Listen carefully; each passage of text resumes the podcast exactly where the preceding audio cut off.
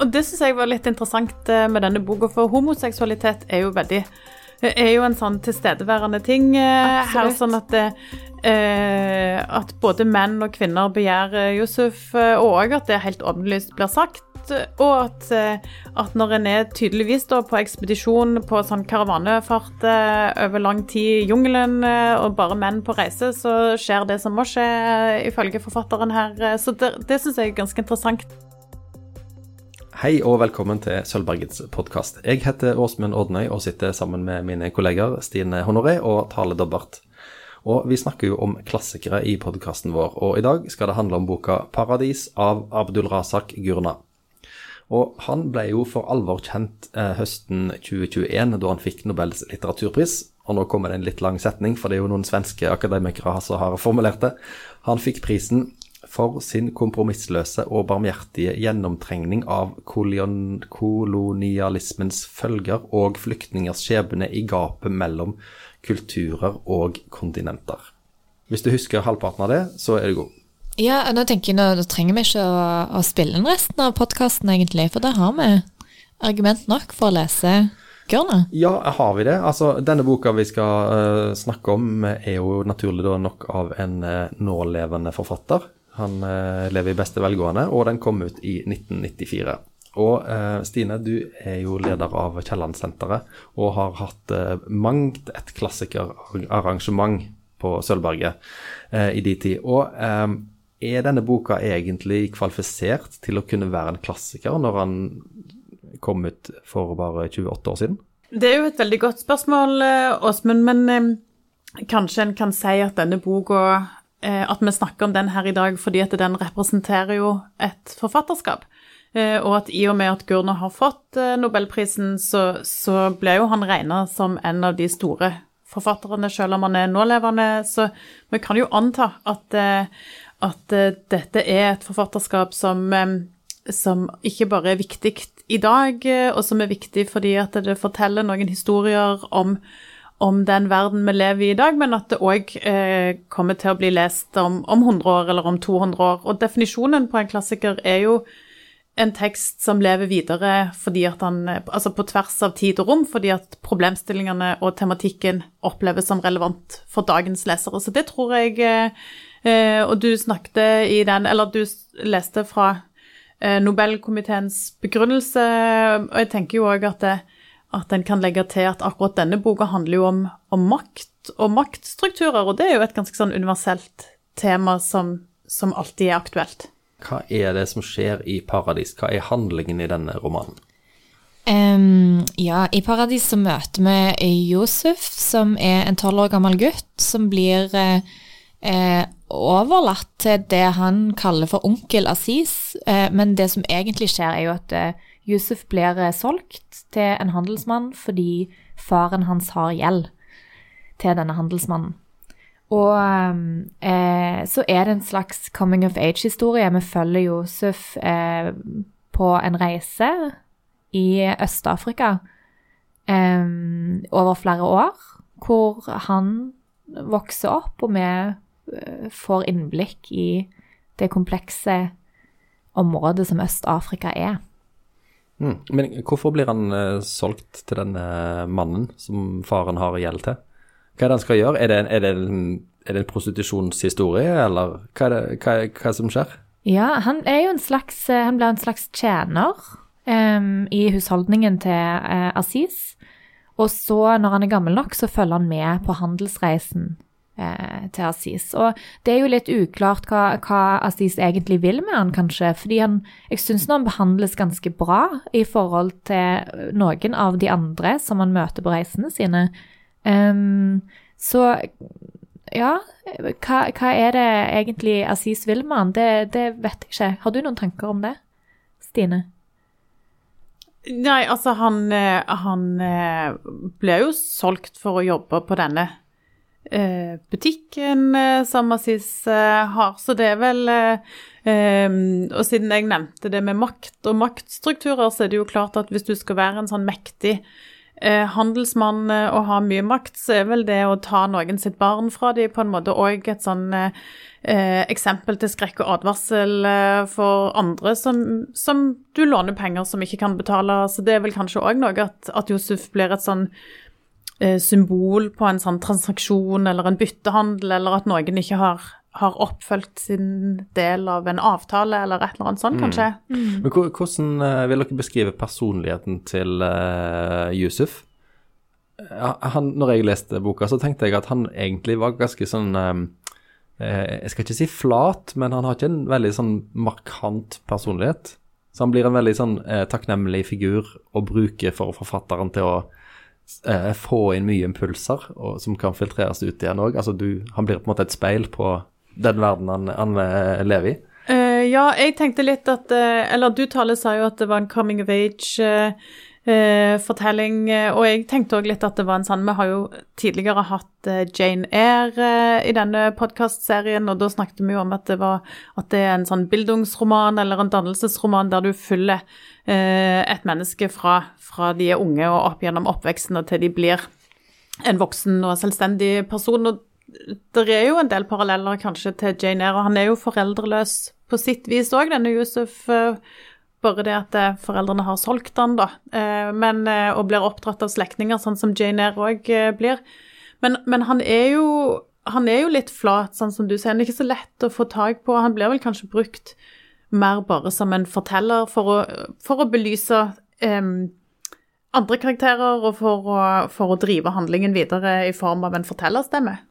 Mm. Men samtidig så tenker jeg òg at jeg, jeg syns det er et sterkt barneperspektiv i denne romanen, nettopp pga. at han, dere kaller det flat, men jeg ville kalt at det, han er litt sånn naiv, kanskje. Litt, han, er veldig, han er et barn, da. Eh, lenge. Ja, det er jo et godt poeng. Eh. Mm. Og da er man jo ikke så veldig kompleks nødvendigvis. Eh, og han er jo altså mye av Det tar jo lang tid før han forstår at Aziz ikke er onkelen hans. Det tok lang tid før jeg òg forsto det. ja. Så noe av perspektivet, særlig i begynnelsen av romanen, er, er jo òg den altså naive holdningen til Josef i mm. møte med en ganske grusom verden. Ja, er det noe av det som eh, holder han flytende i begynnelsen? At han eh, ikke helt forstår hva som skjer? Det vil jeg absolutt tro, ja. og, og, det gjør han fleksibel, sant, òg. Eh, fordi han bare han godtar ting uten å sette så mye spørsmål ved det, iallfall i begynnelsen. Det er jo et fortellergrep som er ganske vanlig, egentlig, og som kan, det kan vel slå begge veier. Altså, jeg har jo lest og sett noen sånne holocaust-historier fortalt fra et barns perspektiv. Ja, det kan ofte bli litt sånn hult, da, men syns dere det fungerer her, at, eh, at han eh, tilsynelatende ikke har så sterke reaksjoner på det som skjer eh, rundt han. Ja, det syns jeg. Jeg syns ikke det var vanskelig å leve seg inn i denne fortellingen i det hele tatt. Eh, og, og, jeg tenker, Men da er det jo Jeg har jo lest det som et barneperspektiv, og da som voksen så sitter man jo og fyller inn, sant. Eh, som nesten gjør historien enda mer grusom.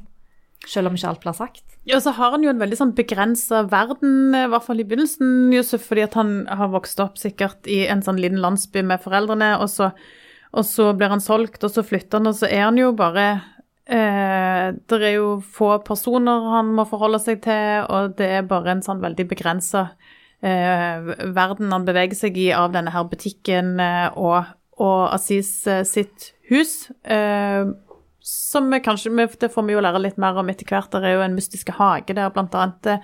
Så det er jo noe med det òg, at i starten så er alt veldig enkelt. Ja. Eh, Eh, vi snakket litt om det før vi satte på record her. Tid foregår egentlig denne historien? Det sleit jeg med lenge med å forstå. Jeg syns òg det var litt vanskelig eh, å, å, vite, og jeg merker jo at når jeg leser sånne bøker, så leter jeg automatisk etter noen sånne små sånne knagger som du kan henge det på, for det er jo, det er jo en historisk roman, eh, dette her. Vi er jo i Øst-Afrika.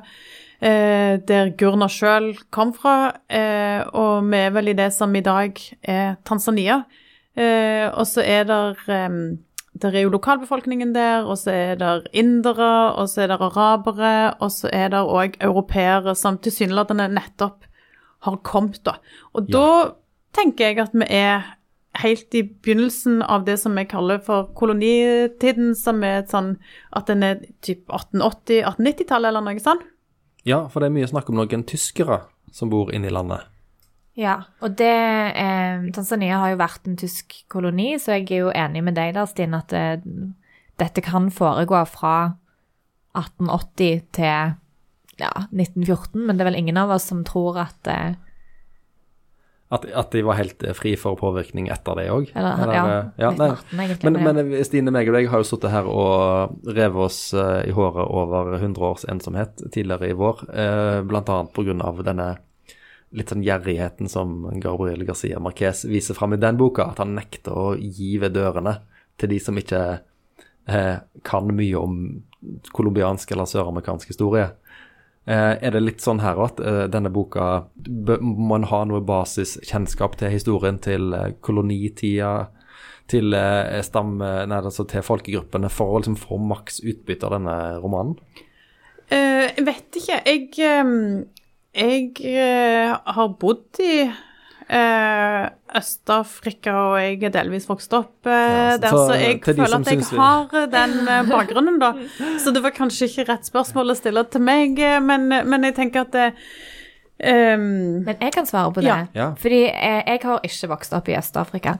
Og eh, har veldig lite kunnskap om eh, Tanzania og eh, andre steder på det afrikanske kontinent. Til gjengjeld er du halvt tysk, Til gjengjeld er jeg halvt tysk. så vi har enorm Øst-Afrika- og. Tysklandskompetanse. Ja, ja, ja. Nei, men jeg, jeg har jo googla selvfølgelig for å finne ut av ok, når var eh, Tanzania en tysk koloni. Men eh, jeg syns at Gurna tar godt vare på oss eh, historieløse eh, mennesker som, eh, som ikke kan så mye om det. Fordi i løpet av denne Altså, det kan jo ikke Josef heller, når han eh, kommer inn i denne historien og, og drar ut på denne reisen. Så, eh, så har jo ikke han et større verdensbilde enn en det han har, som du var inne på, Stine. Så i løpet av reisen så blir vi veldig godt kjent med eh, historien til de forskjellige landområdene han kommer gjennom.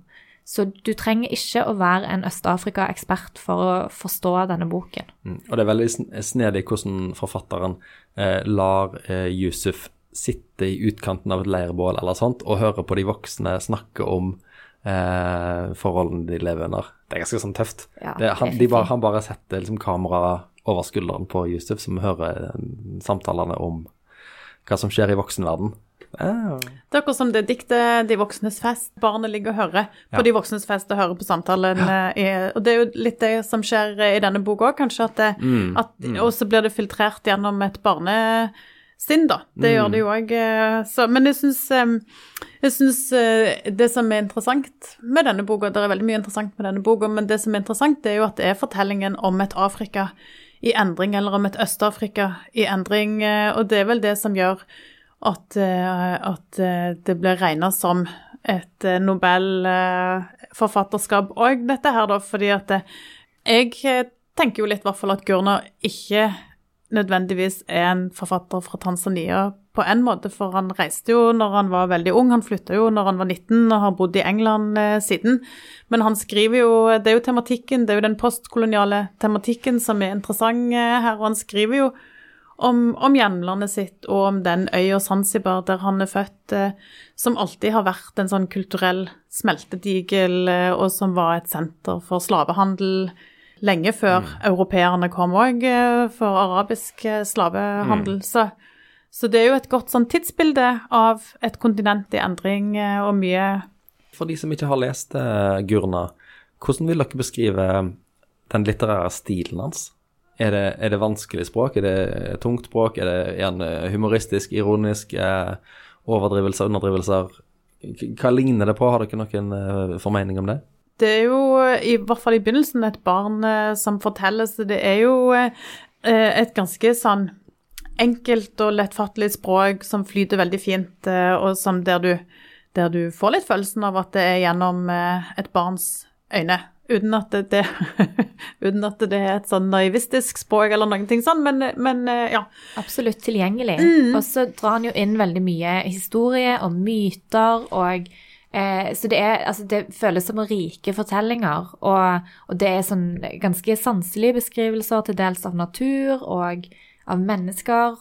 Eh, så jeg, jeg kom ikke på noe som ligner, men jeg er enig. Altså det er tilgjengelig, men det er ikke flatt. Det er, ikke, det er absolutt eh, spennende òg for vante lesere. dette blir kanskje litt sånn eh, ovenfra og ned, men er det sånn at når vi europeere leser bøker fra Afrika, så sitter vi med en forventning om at forfatteren skal si noe om kontinentet sitt?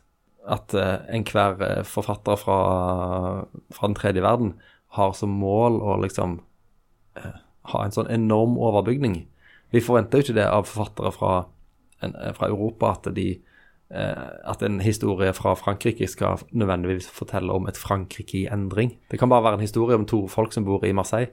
Men det er nok noe som Gurna òg harselerer med, eller som han setter fingeren på, fordi eh, han beskriver jo en ekstremt kompleks verden, og som du var inne på, Stine, altså at det har vært slavehandel der lenge før europeerne kom, gjennom arabiske eh, tilflyttere, og eh, jeg, jeg, opplever det som noe av, av, poenget med hele boken, er jo å vise at Afrika, eller Øst-Afrika, er jo ikke ett én ting det er ikke ett kontinent med ett folk og ett språk. Og, altså, sant? Det er jo like komplekst som alle andre kont selvfølgelig.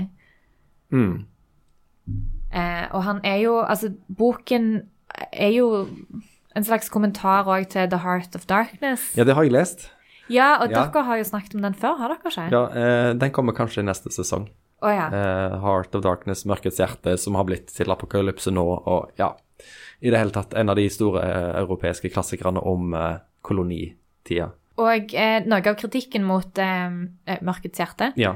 er, er, vel at den er jo veldig sånn eh, Veldig full av kontraster, veldig sånn ensidig, mørkt og lyst og Har blitt også lest ganske rasistisk, ja. uten at men det er vel en misforstått lesning, eh, tror jeg, av Joseph Conrad. Eh, det kan godt være. Ja. Dette kan vi jo eh, komme tilbake til i neste sesong, men ja. Men at det er veldig sånn, eh, sånn dramatisk eh, todelt syn, da. Mens det, i Gurnas sin fortelling så, så, ønsker han å gjøre det motsatte, da. Vise kompleksiteten.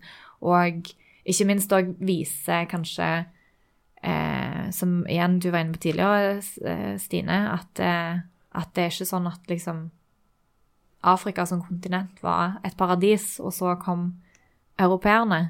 Ja, for det syns jeg er, er, er, fint med denne boka, fordi at her er det jo misjonærer og slavehandlere og handelsreisende og ulike kulturer som, som, møtes. Og det er litt sånn, det er litt sånn som Kaisers Orkester, det er sånn kontroll på kontinentet. Alle kjemper jo mot hverandre for å, for å, ja, ja, ja. For å Altså, det er jo maktkamp mm, mm. I, på alle plan her. Eh, så det er jo ikke bare de europeiske misjonærene og, og koloniherrene som kommer og, og legger under Altså og, og um, undertrykker eh, lokalbefolkningen. De er jo allerede undertrykt av andre. Ja, Det kommer godt fram at de er på en måte rasister i alle retninger, alle sammen. Det er ikke sånn at alle, i, alle som bor i Afrika er mot alle de hvite omvendt. Det er liksom en sånn lapskaus av fiendtlighet. Men ja. ofte, ofte, litt sånn fleipete formulert. Ja, og mye humor i den boken. Mye humor og mm. muntlig humoristisk språk, og mye gode fornærmelser. Ja. Ikke minst. Mm. Det, det, får en på kjøpet hvis en leser Paradis. Ja, det er helt sant. Ja. Men hva, hva, leser dere ut av tittelen, da? Paradis? Er det Sånn som når vi snakket om eh, fred av Arne Garborg, så kan du ta deg gift på at det ikke er mye fred i ei sånn bok.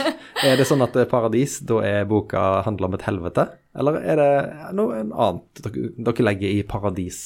Etter den starten der dette barnet blir solgt eh, som slave, så altså, det er jo langt fra paradis, eh, det er hans eh, livsfortelling. Eh, så det er den ene tingen, men kanskje òg eh, det som vi var inne på før, at det er mange ulike religioner og myter, og det er liksom islam og kristendom, og alt blir satt opp mot hverandre. Så det er jo en sånn kamp om fortellingen om veien til både verdslig og himmelsk paradis. Eh, det er jo én ja. ting, i hvert fall. Ja, tale. Mm. Ja, så tenker jeg, altså Det er mange lag av paradis, føler jeg, i boken. fordi en ting som Josef jo òg um, higer etter når han først kommer til onkel og sin, sin bolig når han er tolv, er jo denne hagen. For det er en, en, hage som han ikke får tilgang på, da, eller som han etter hvert får lov til å liksom være med og stelle litt med. Og, og den symboliserer jo òg eh, en form for paradis for den gutten.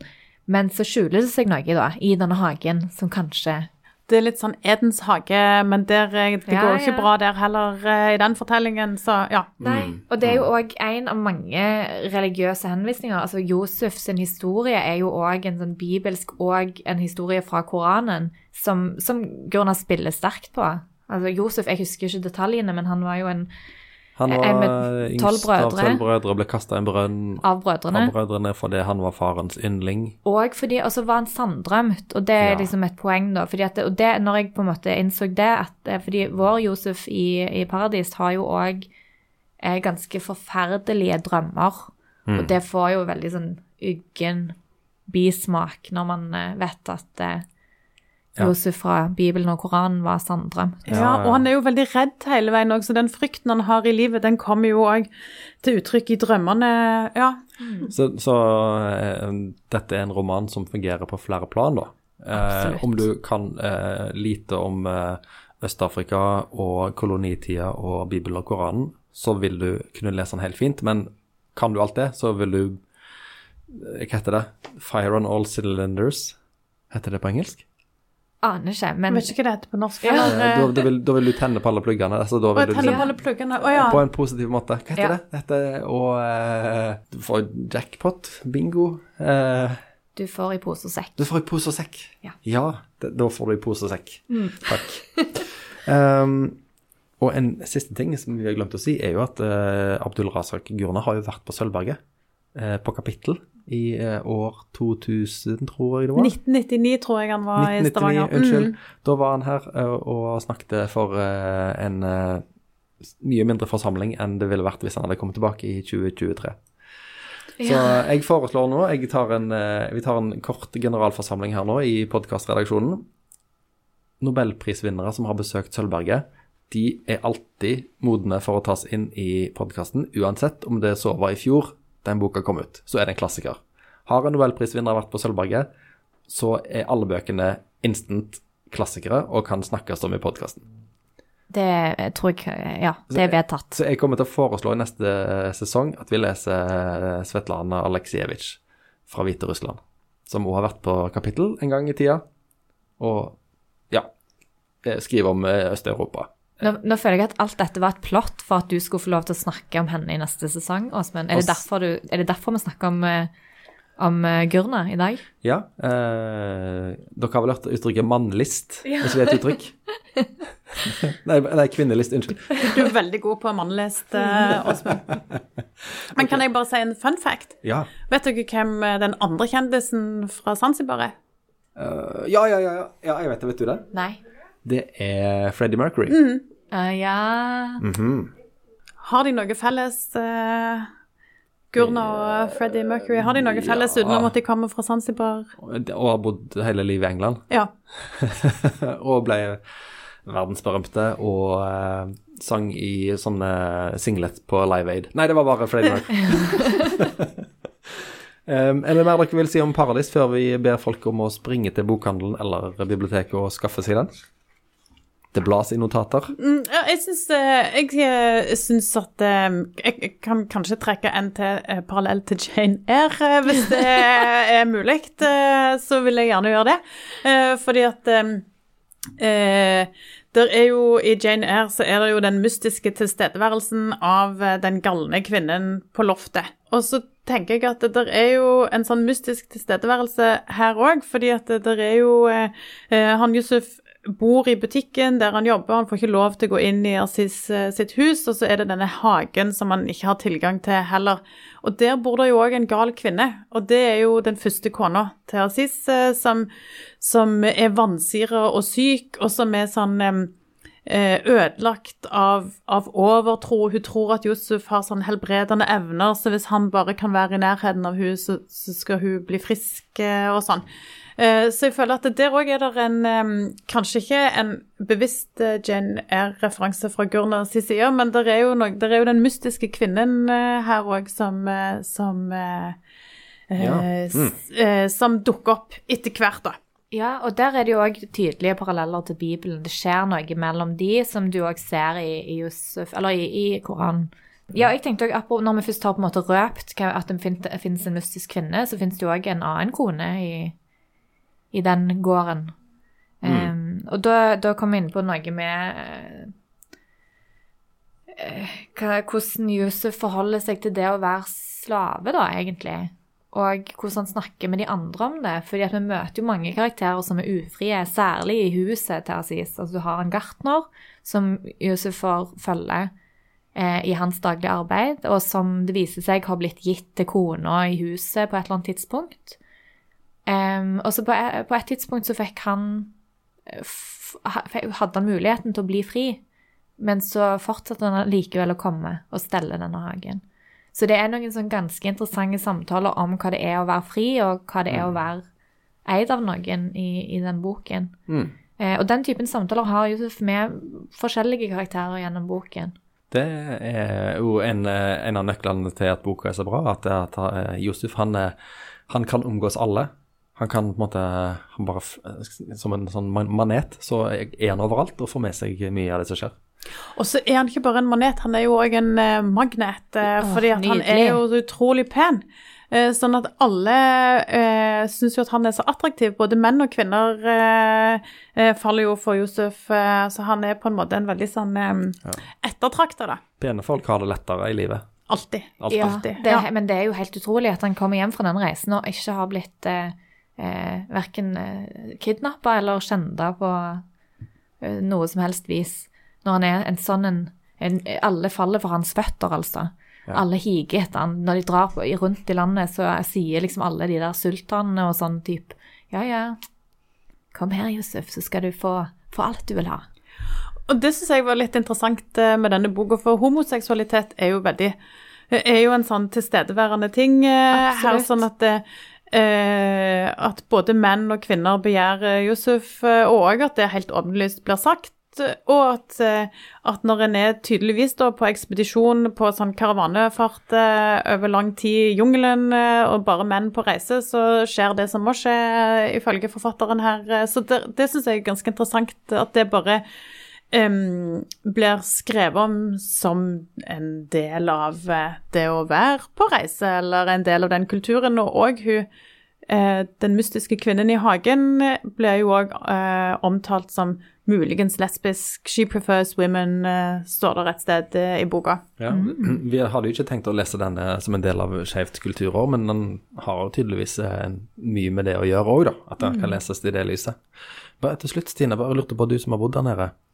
Når jeg var liten og leste sånne Robinson Crusoe og andre bøker fra sånne himmelstrøk, så hørtes det så godt ut med brødfrukt. Men i denne boka så er det mye sånn mye utskjelling av brødfrukt. Hva er det? Er det godt? Jeg har aldri spist uh, brødfrukt, jeg har bare lest om det i sånn type Robinson Crusoe. Altså. ja, men i denne boka, jeg har aldri skjønt hva det er. Det er brødfrukt opp og brødfrukt ned. Ja, og det er det verste de vet. Ja, virkelig Men jeg tror det er en sånn frukt som lukter som lukter veldig, veldig uh, intenst og ikke godt. Uh, men, uh, men, jeg òg kjenner det kun fra, fra litteraturen, også, men ikke fra virkeligheten.